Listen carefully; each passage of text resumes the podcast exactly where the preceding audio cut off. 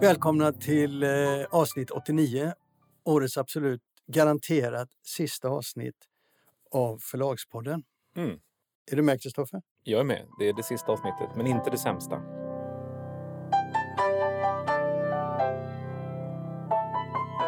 Jag har några tankar när det gäller 2021 och, och, och vad som kommer att hända om vi ska spekulera lite i det. Och den första handlar om Svensk Bokhandel, tidningen.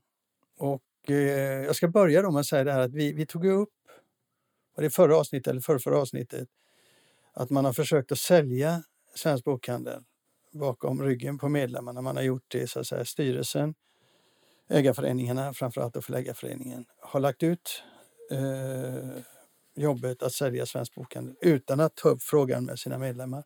Jag tycker att det är en fråga som inte styrelsen har rätt att eh, hantera utan det är en fråga som måste upp på medlemsmöte. En tanke där är ju då i och för sig att eh, jag tror ju då att Svensk Bokhandel, som jag har förstått det så har Svensk Bokhandel haft rätt röda siffror och eh, nu verkar det som Maria Hamrefors har gått in och röjt upp och det verkar se mycket bättre ut så vad jag har förstått men, men fortfarande så är, är frågan som du sa, du tyckte ju att man skulle inte sälja utan satsa. Ja. Sälj inte satsa. Och eh, om man bollar vidare den till medlemmarna så måste också medlemmarna vara beredda att skjuta till pengar. Det finns nämligen inga pengar i Förläggarföreningen. Och då kanske medlemmarna måste vara beredda att betala en, mer, en högre medlemsavgift för att finansiera en tidning som går med förlust. Och då kan man nog säga att i Svenska Förläggarföreningens styrelse så har man täckt upp en stort, stor del av medlemmarna, eh, i alla fall vad gäller de som bidrar med pengar.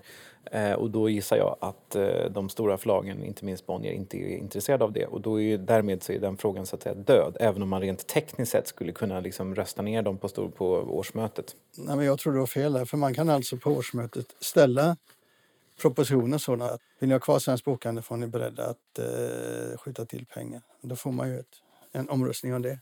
Men, Absolut, men jag skulle tro, jag skulle tro att den, man anser att man har liksom redan förankrat den, den, det ställningstagandet hos de stora medlemmarna. Eh, skulle jag tro att de resonerar. ja, men det är en fråga om eh, demokratin i föreningen. Det är medlemmarna som avgör, inte enskilda grupper i styrelsen. Men du, jag skulle Du är, så naiv, du är så naiv Lasse. Jag förstår jag vet. hur det går till. Nej, det gör inte det. Men jag har ju klarat mig så här länge. Ska jag nog klara mig resten också. Du, eh, utifrån det samtalet så skulle jag vilja ta upp Svensk Bokhandel om en spaning 2021. Mm. Jag tror inte att de säljer kanske eller lägger ner den 2021, men 2022 om ingenting händer. Och därför har jag funderat, vad måste man göra för att ha en chans att överleva? Och då, då har jag tänkt så här att om man tittar på, på reaktionen idag så håller den inte, utan att nämna namn så har de för få journalister som kan branschen på djupet, som kan analysera branschen och gräva fram nyheter.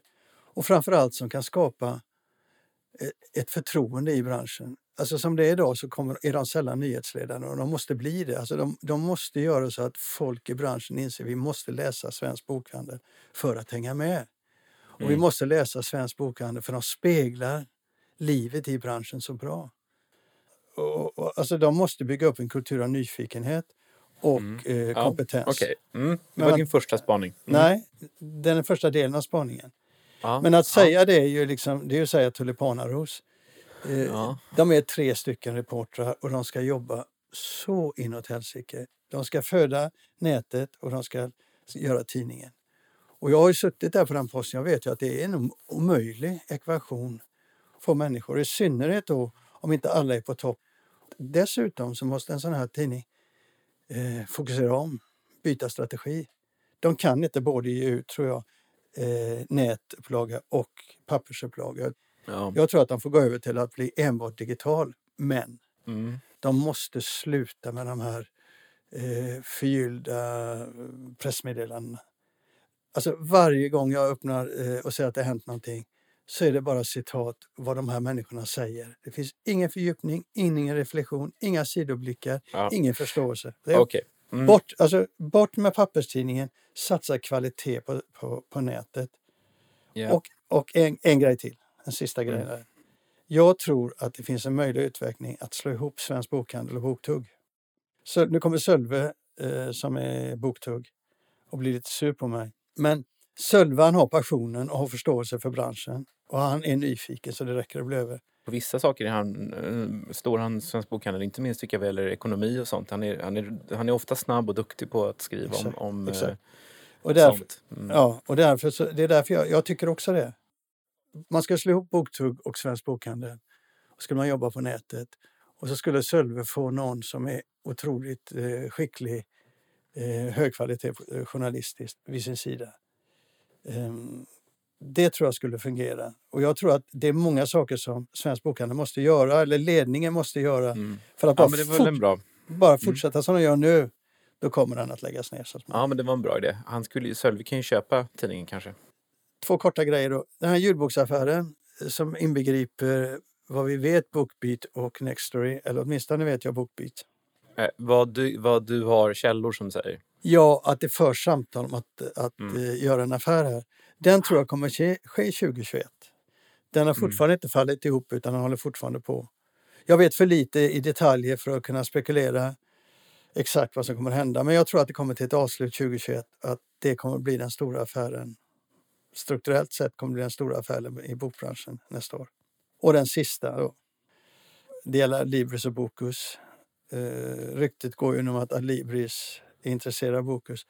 Själv ska jag hellre se att Bokus köper Adlibris. Det är bättre för branschen tror jag. Och jag tror att det kan hända 2021. Det var mina tre spaningar. Okej, den första är samgående med Boktugg och SVB. Den andra är ehm, ett samgående mellan två streamtjänster och den tredje är Bokus köper Adlibris. Ja, eller Adlibris köper Bokus. Jag tror bägge sakerna kan vara öppet. Men jag, men jag skulle önska att det är Bokus som köper Adlibris. Jag skulle önska att det är eh, Akademibokhandeln som äger eh, plattformen och inte ett förlag. Ja, det håller jag med om. Har du någon reflektion om 2021 i övrigt?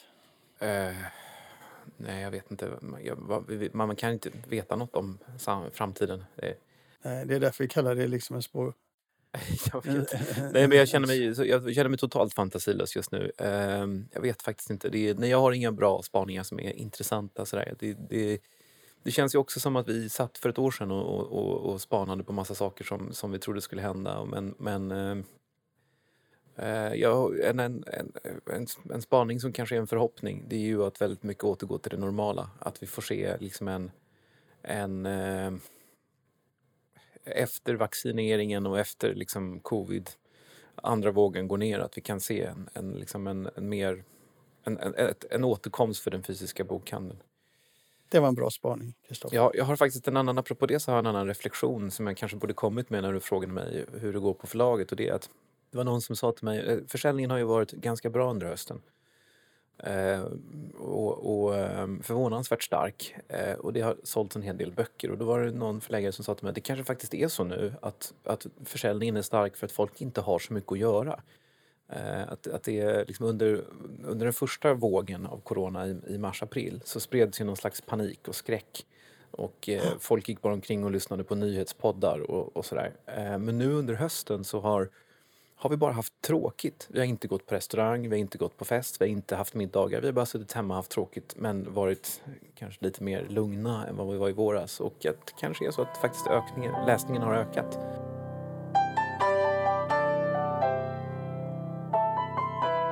Eh, du, jag har en tanke som jag tycker vi ska prata om. Eh, topplistor. Nu igen. Ja, nu igen. Eh, Svensk Bokhandel har ju sina topplistor och eh, de har ju funnits nu i 15 år faktiskt. Mm. Jag vet eftersom jag jobbade med den första topplistan. De har utvecklats.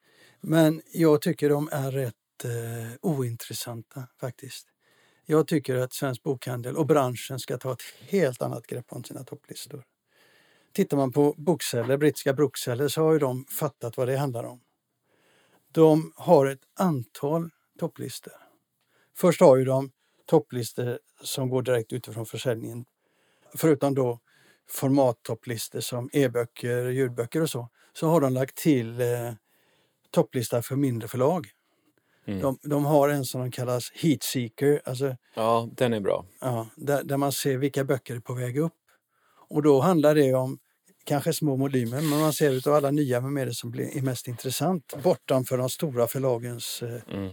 eh, blockbuster. Och det här handlar ju om i första hand om man ska vara ärlig, det handlar om att ta ansvar för hela branschen. Att spegla olika sidor av branschen, visa de små förlagen, visa alla. Titta, titta vad som finns.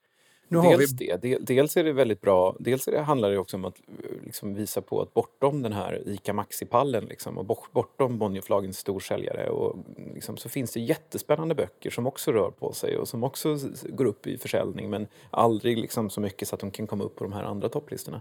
Det är, ju väldigt, det är ju de där hit, hit, hitseekers som är jättekul att se. Ja, alltså folk lär sig då också att se vad det finns för böcker. Var skulle man i Sverige dra gränsen tycker du? Skulle man utesluta Bonnier och Norsets och naturkultur eller skulle, hur skulle, liksom en, sån, hur skulle en sån gränsdragning se ut? När man har ju de här topplistorna som domineras av de här förlagen, alltså vad som mm. säljer.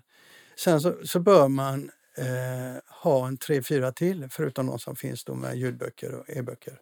Jag förstår, men har du någon konkret liksom, ja, definition av... Ja. ja. När det gäller småförlagen då så sätter man ett, ett, eh, en eh, omsättningsgräns. Förlag som omsätter upp till ska vi säga, 24 miljoner. nu hittar jag bara på. 24 miljoner. Eh, är med på den topplistan. Ja, men jag sa jag hittar bara på.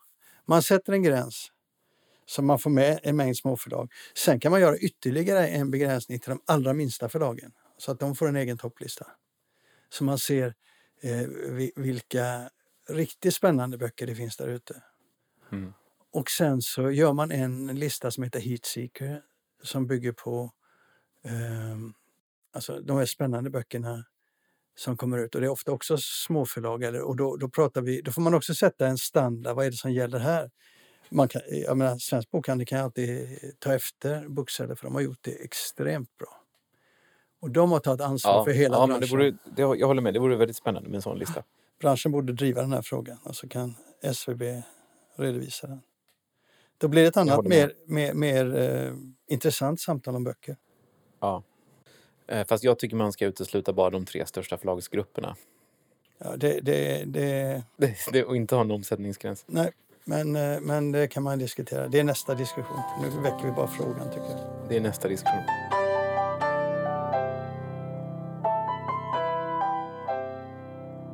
Ja, både du och jag reagerar ju på en artikel i Svensk Bokhandel där de eh, redovisade de här Kulturrådets extrastöd eller coronastöd, vad man ska kalla det, till förlag. Kri krisstöd? Krisstöd till förlagen och till eh, Svenska Bokhandlarföreningen och Förläggarföreningen. Jag tycker egentligen i grunden är inte det så mycket att fundera över. Eh, en del, jag vet ju inte vad alla har sökt för. Jag kan tycka att det är lite konstigt att en del som det går bra för att de söker. Eh, men jag kan se också att det är väldigt många som söker för eh, vad de har förlorat. Men det som jag tyckte var lite konstigt eh, och lite annorlunda, det var när ett förlag sökte för att kompensera sig för att de hade tappat eh, intäkter, uteblivna e-, evenemang, framförallt bokmässan och tryckkostnader. Ja, det var ett förlag som hade angett eh, eh, tryckkostnader och även då bokmässan, att det var ett bortfall. Så att, men det, det förlaget kanske tjänade pengar på bokmässan, det är mycket möjligt. Men eh, 90 procent av alla förlagen förlorar ju pengar. Jag hade några reflektioner kring de här stöden och det, det är ju att om man tittar på Förläggarföreningens snabbstatistik så har ju då från 1 januari till sista september så har ju då förlagens totala omsättning, de som är med i snabbstatistiken, vilket är styrelsen, eh, då har de ökat med 2 procent. Alltså, det finns ingen som helst eh, covid-effekt. Förlagen har alltså ökat. Mm. Sen, sen, sen, vet vi att det där är, gäller ju inte... Äh, Linde Company har minskat kraftigt som jag har redogjort för tidigare äh, mm. under den här mätperioden. Eh, och eh, enligt uppgift från Rickard Herold till Förlagspodden så ökade även naturkultur. Eh, men, men vi tror, jag tror att det är Bonnier som har dragit iväg och dragit upp den här statistiken. Så det slår ju väldigt olika. Men om det är någonting som står klart så är det ju att Corona har ju drabbat eh, bokhandeln betydligt hårdare än vad det drabbat förlagen. Men när man tittar på de här stöden så regnar det ju pengar över, över förlagen men inte i samma utsträckning regnar det pengar över bokhandeln. Och det kan jag tycka är lite konstigt. Jag tycker det är jätte, I våras, jättekonstigt. De, hade ju två, de har haft två stycken stödtillfällen. liksom, En under våren här och en under sommaren.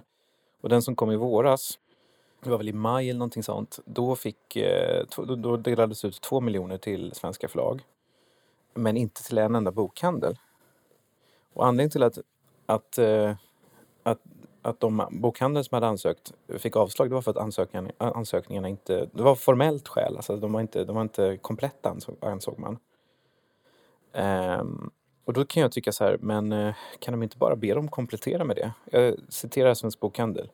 Ansökningarna har inte varit kompletta så det är helt av formella skäl som de fått avslag. Det var tre bilagor, årsredovisning, firmatecknare och likviditetsprognos som inte skickades med, säger Zoe San Santikos, handläggare på Kulturrådet. Slutcitat. Men istället så fick då massa förlag pengar och bland annat fick Mondial pengar. De fick 812 200 kronor och då, an, då angav de att det var för inställda evenemang och de hade då eh, liksom räknat på bortfallet från utebliven försäljning i samband med event men också förväntad försäljningseffekt över tid när internationella författarbesök hade ställts in. Och det var ju en väldigt kreativ ansökan får man väl säga.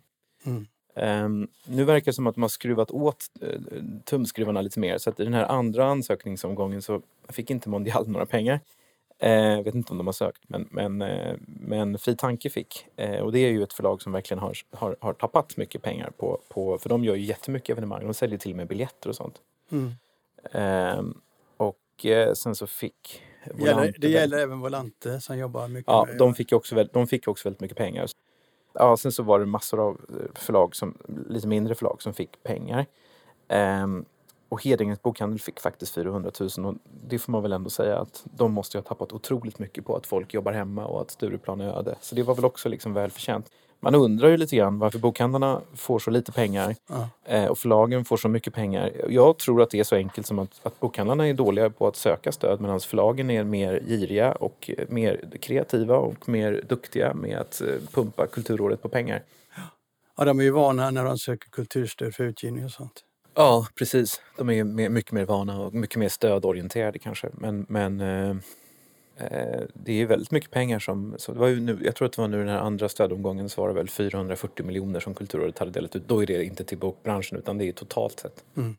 Ja, I huvudsak så, så kan jag nog bara säga att jag, även om de faller lite ojämnt ibland så tycker jag att alla pengar aktörerna på, i bokbranschen kan få idag utan någon som går med vinst är väldigt bra.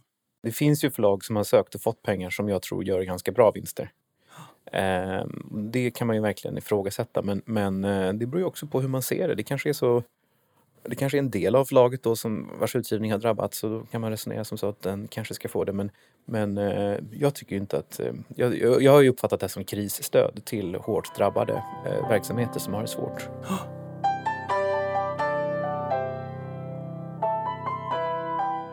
Förläggarföreningen har publicerat en rapport som eh, de publicerade i tidigare i höst, eller i höstas kanske man ska säga för det är vinter nu, som eh, heter Läsandets årsringar, som rapport och reflektioner om läsningens aktuella tillstånd i Sverige av Anna Nordlund och Johan Svedjedal. Och eh, syftet med den här rapporten var lite grann att sammanfatta på något vis lite grann den statistik och den forskning som ändå finns kring, kring läsning. Vi har, jag tyckte att det här var lite intressant för vi har ju talat lite om det i podden om hur läsandet har utvecklats, hur det, har det ökat, har det minskat och det är ganska svårt att prata om därför att det finns väldigt många olika typer av eh, mätningar. Eh, väldigt många olika typer. Och I den här Läsandets årsringar då så försöker de på något sätt sammanfatta lite grann slutsatserna kring det här. Dels finns det något som heter Mediebarometern som publiceras av Nordicom sedan 1979 och det tror jag är den äldsta av de här. Eh, sen så finns SOM-institutet som eh, har då årliga undersökningar av medievanor hos befolkningen i åldrarna 16 till 85 år. Och sen så finns Statistiska centralbyrån som mäter eh, under, under liksom kategorin levnadsförhållanden och fritidsvanor så finns det läsning med. Eh, och sen finns också den här branschstatistiken och sen finns det någonting som heter Svenskan och internet som Internetstiftelsen står bakom. Och ehm, eh, Johan Svededal då framförallt, han, han liksom blandar alla de här på något sätt och resonerar kring de här olika statistiken. Och de mäter också lite olika saker. Vissa mäter hur läsandet har minskat, vissa mäter olika, bryter ner det på olika åldersgrupper och vissa mäter också hur mycket tid man lägger på läsning och sådär.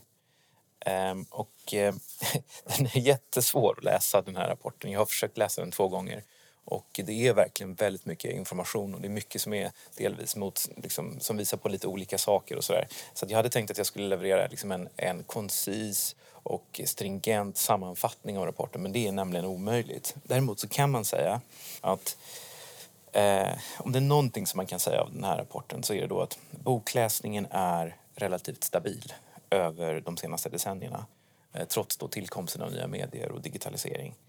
Eh, och eh, vad man däremot kan se det är ju då att andra medier har drabbats på ett helt annat sätt. Alltså I synnerhet, i synnerhet så är, är boken väldigt stabil jämfört med, med andra medier. Men det finns då en sån här kurva som vi har talat om tidigare som mäter, som mäter liksom hur mycket tid man lägger på läsning eller hur stor andel av befolkningen som läser idag alltså jämfört med 1980. Och den, har då, den är då väldigt konstant, väldigt stabil. Den har till och med ökat lite grann. Man kan se en något svag nedgång de senaste åren.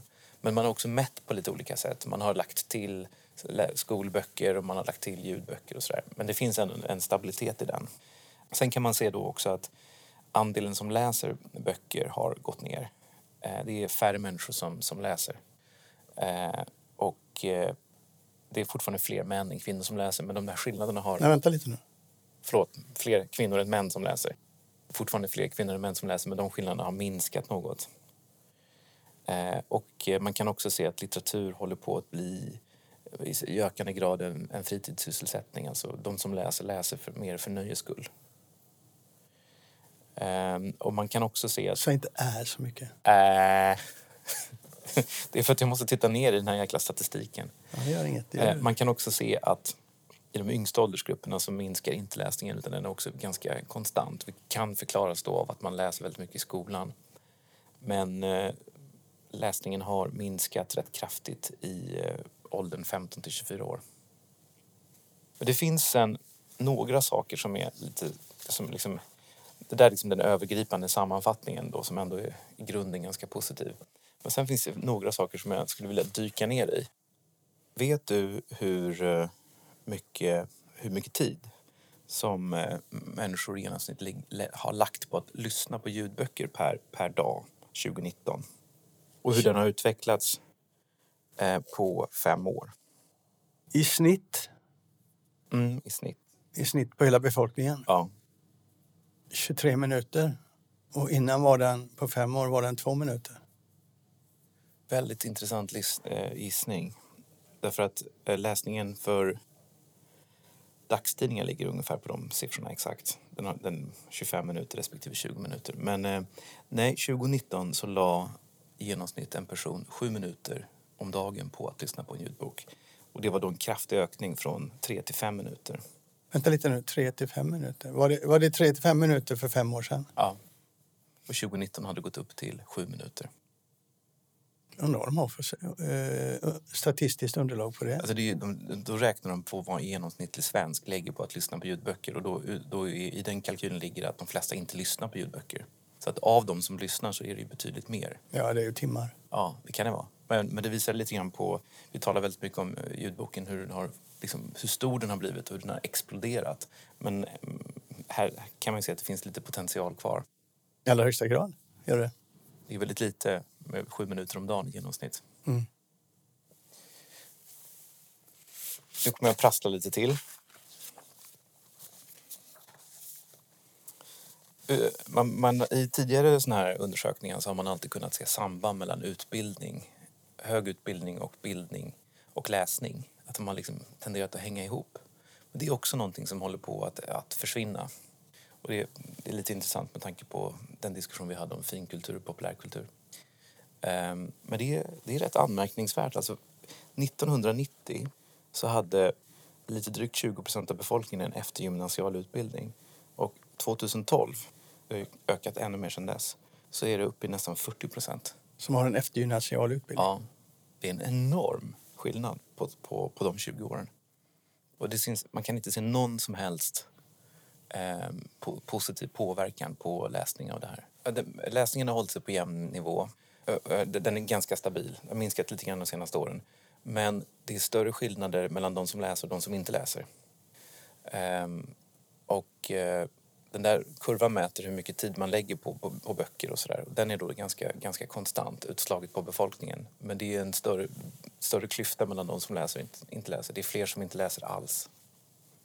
Så uppfattar jag statistiken. Sen har vi en annan, en annan uppgift här som är, som är väldigt intressant. Jag är ledsen att det här blir så här, men det är så fruktansvärt komplicerat. Jo, Eh, det finns ett diagram här som är väldigt intressant. Vi har ju talat i podden ganska mycket om kanalförskjutning och vi har talat om eh, eh, att liksom, folk konsumerar böcker i andra format och att kanalförskjutningen framförallt inneburit att man, man istället för pappersböcker så konsumerar man ljudböcker. Och det finns ju också statistik som visar att den fysiska försäljningen har gått ner ganska mycket. Och det finns då ett diagram som visar här. Visar upp det för dig. Här ser du hur, hur liksom försäljningen av fysiska böcker har gått ner. Rätt ordentligt. Ja, det är väldigt ordentligt. Och vet du vad det här som går upp här är? Det var ljudböcker då? Det är ljudböcker. Men det mest anmärkningsvärda med det här diagrammet är att ökningen av ljudböcker sker efter att nedgången av pappersböcker i stort sett har upphört. Så att om man tittar på den här då, statistiken som är från 2010 till 2018 så kan man inte så att säga, skylla på ljudböckerna. Det är intressant. Ja, Men det kräver ju en lite mer utlägg från dig. Absolut. Jag kan bara läsa vad Svededal skriver. Citat. Ett intressant mönster är också att ökningen av försäljning av böcker för lyssnande de senaste åren inte är förknippat med någon motsvarande nedgång i försäljningen av böcker för läsning, även om den visar en svagt sjunkande tendens. Den stora nedgången för den kategorin under 2010-talet kom tvärtom under decenniets första hälft, alltså innan ljudböckerna hade fått sitt breda genombrott. Hur förklarar du det? Ja, eh, hur förklarar man det? Alltså jag har ju under en längre period tyckt att, det, att man inte ska likställa liksom en lyssnad ljudbok med en köpt eller en, en läst pappersbok utan att det, det liksom, de går in i varandra och att det är en växelverkan. Jag tror att det är väldigt mycket så. Alltså jag tror och en, ny, en, en, helt ny grupp av människor som lyssnar på böcker? Nej, nej. nej det tror jag inte är huvudförklaringen, men det kan vi återkomma till. Um, men att den här nedgången som skedde då mellan 2010 och 2013, 14 av, av pappersböcker. Jag kommer ihåg den, jag minns just 2011 och 2012 var ganska hemska år för bokbranschen. Och det som hände då tror jag var liksom väldigt mycket som strukturella krafter som, som, som vi har runt omkring oss som gjort att liksom läsningen tappade i värde. Under den perioden fick också väldigt många i Sverige en iPhone. Men det var innan vi började använda iPhone till att exempelvis läsa. Vi gjorde annat på iPhonen. Så jag tror helt enkelt att det är Eh, det finns en teknikaspekt här. Kanske att om iPhonen hade kommit lite tidigare, om Storytel hade varit lite tidigare, om tekniken hade funnits lite tidigare, kanske man hade sett uppgången för ljudböcker tidigare. Men det intressanta är att det inte finns en korrelation mellan nedgången av böcker och uppgången av ljudböcker. Och det, det tror jag verkligen inte riktigt... Eh, jag tror inte man kan se det så. Utan jag tror man ska se ljudboken att den, den eh, ljudboken konkurrerar snarare idag med poddar, eh, radiolyssnande, musiklyssning eh, och väldigt mycket annat. Det håller inte jag med dig. Jag, jag, jag, vet att den gör det, men den, den konkurrerar också med tiden som du tidigare använde för att läsa böcker. Lyssnar du på böcker så har du en relation till läsande också, oftast. Absolut, och det är därför som du har fel när du säger att det är en helt ny typ av människor. För många som lyssnar på böcker idag läser ju mycket böcker också. Så det finns ju självklart de som bara lyssnar. De är ganska få. Ja, men det är en ny grupp av människor som kommer till. Jag menar, det, finns ju, det, är, det är ju inte alla, menar inte jag.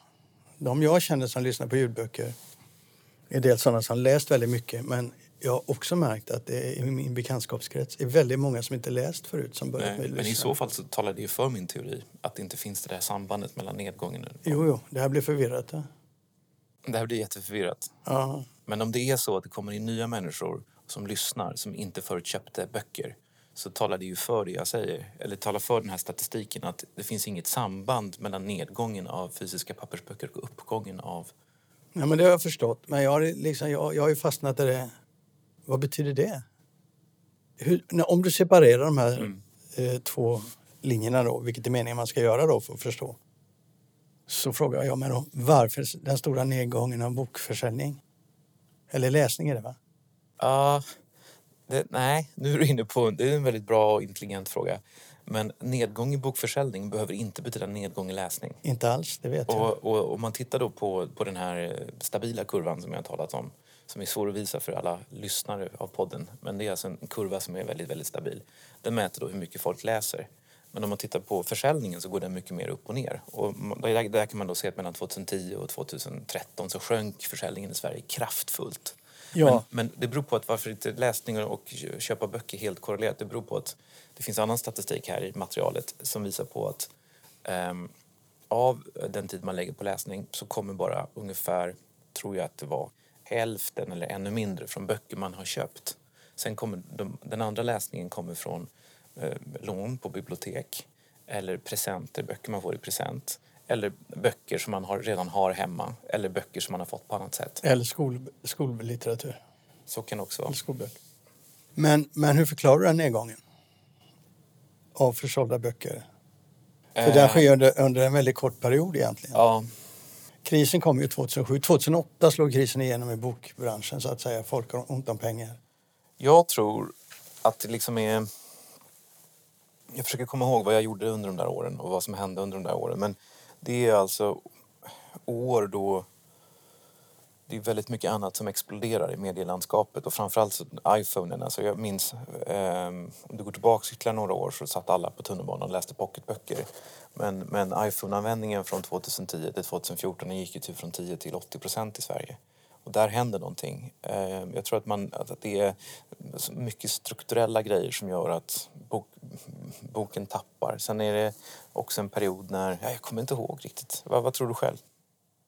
Nej, jag, jag kan inte förklara det. Inte så här eh, som vi tar det liksom snabbt så här. Nej, jag, ja, men det, det, säkert finns det fler än en förklaring. Det är naturligtvis oerhört komplex. Men, men eh, eh, sådana här strukturella förändringar och kraftfulla nedgångar brukar ju liksom eh, inte ha en förklaring utan det brukar ju det brukar vara ett komplext samband och samverkan av olika saker. Men det du, tar med, det du tar med dig av den här läsningen är att det finns inget samband med den fysiska bokens nedgång när det gäller försäljning och eh, ljudbokens tillväxt. Nej. Nej, men det, det är den stora grejen och det där är ju någonting som när man, när man talar om, om, om, om, om, böcker, om, om ljudböcker så är det klart att på, på enskilda författarskap så sker en kanalförskjutning. Har du lyssnat på en Jan Guillou så kommer du inte att läsa den sen. Ehm, och där kan, där kan i enskilda fall liksom ändå finnas en väldigt konkret, och prakt, väldigt konkret kanalförskjutning. Ehm, men i, i, för marknaden i sin helhet så tror jag att det är ett, ett, en växelverkan och ett samspel. Mm. Ska vi stoppa där? Har du mer? Ja, jag har en sak till här. Jo, eh, det refereras då också till eh, annan typ av läsning. Alltså annan typ av läsning som har minskat. Och då så nämns bland annat eh, dagstidningsläsandet som, som institutet mäter. Och eh, här kan vi tala om en dramatisk och kraftfull förändring. 1990 så läste 81 procent av befolkningen tidningar fem gånger i veckan. 2019 så var siffran nere i 28 procent. Det tycker jag man ser när man tittar runt omkring sig. Ja. En del läser ju på nätet men, men, eh, men jag tycker att just den traditionen.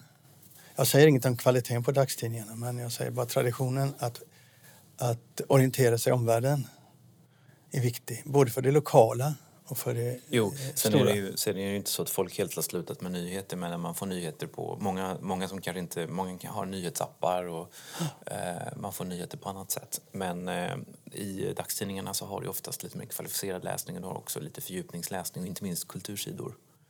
Och det här, vi har ju talat mycket om det här med räckvidd och sånt. Att inte bara att inte bara det att det inte skrivs så mycket recensioner, att när du väl får en recension så har det inte så stor betydelse längre. Och det har också varit någonting som har varit eh, tufft för den mer kvalificerade litteraturen som behöver kritiken. Ja, jag, jag har inte läst den här rapporten men jag tycker det är mycket intressanta saker du tagit upp. Men jag skulle nog vilja sätta finger på den statistiken som ligger under det. För ofta så är den statistiken mycket mer vällovlig än Absolut, Korrekt. men det är därför som det här var så svårt att läsa det här. Därför det här är då ehm, här resonerar man kring eh, liksom en, två, tre, fyra, fem stycken olika typer av statistik som mäter olika saker. Mer eller mindre eh, trovärdigt. Och det finns i alla de här mät, sätt, mät, eh, mätningarna så finns det naturligtvis saker som man kan ifrågasätta.